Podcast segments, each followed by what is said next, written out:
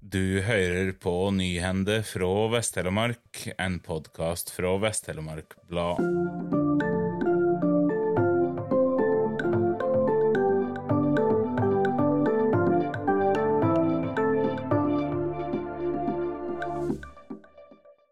I veke 35, 36 og 37 må Vegvesenet igjen stenge rv. 41 en del dager ved det enorme fjellpartiet ved Mjågeto mellom Treungen og Nissedal pga. sikringsarbeid. Det stadfester byggeleder Jon K. Bø i Vegvesenet til Vest-Telemark Blad. I veke 35 og 37 gjelder stenginga fra mandag klokka halv ni til fredag klokka halv tre på ettermiddagen. Når det er dyrskunn i vike 36, blir riksvegen stengt fra mandag til klokka halv ni på morgenen til ut i vika. Veien skal være åpen hele fredag, i tillegg til lørdag og søndag, og Vegvesenet ser også på ei sak om åpen vei torsdagskvelden 7. september, dagen før det hele braker løs i Seljord.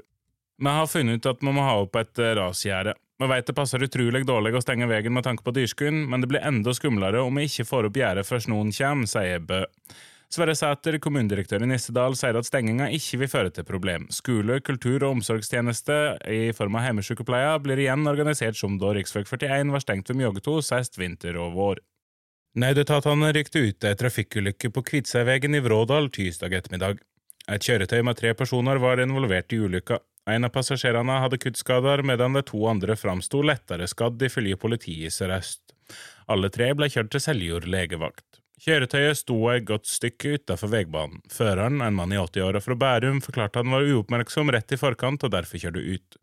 Han fikk førerkortet sitt beslaglagt, og patruljen oppretta sak, skriver Vest-Telemark Blad. Klokka ett natt til tirsdag arresterte politiet en mann i 40-åra på Rjukanvegen i Vinje. Politiet opplyser at mannen er mistenkt for å ha kjørt bil etter han hadde drukket alkohol. Kjøreturen enda i grøfta. Utdanningsprøve på stedet indikerte at mannen hadde ei promille på over to, opplyser politiet i Sør-Øst politidistrikt i Fie Vest-Telemark Blad. De legger til at mannen ble tatt med til lege for å ta blodprøver, førerkortet ble inndreget og saka vil gå til retten. I fjor hadde Kvitsund gymnas et underskudd på over sju millioner kroner. Nedgang i elevtallet var en av de viktigste årsakene til det. Vi tror 2023 vil se noe bedre ut, men det blir trolig underskudd i år også, sier Edgar Gams Christoffersen til Vest-Telemark Blad. Han er rektor ved gymnaset og forteller at 127 elever har takket ja til skoleplass på den private internatskolen kommende skoleår. Skolen er godkjent for 200 elever og har plass til 170 elever på internatet.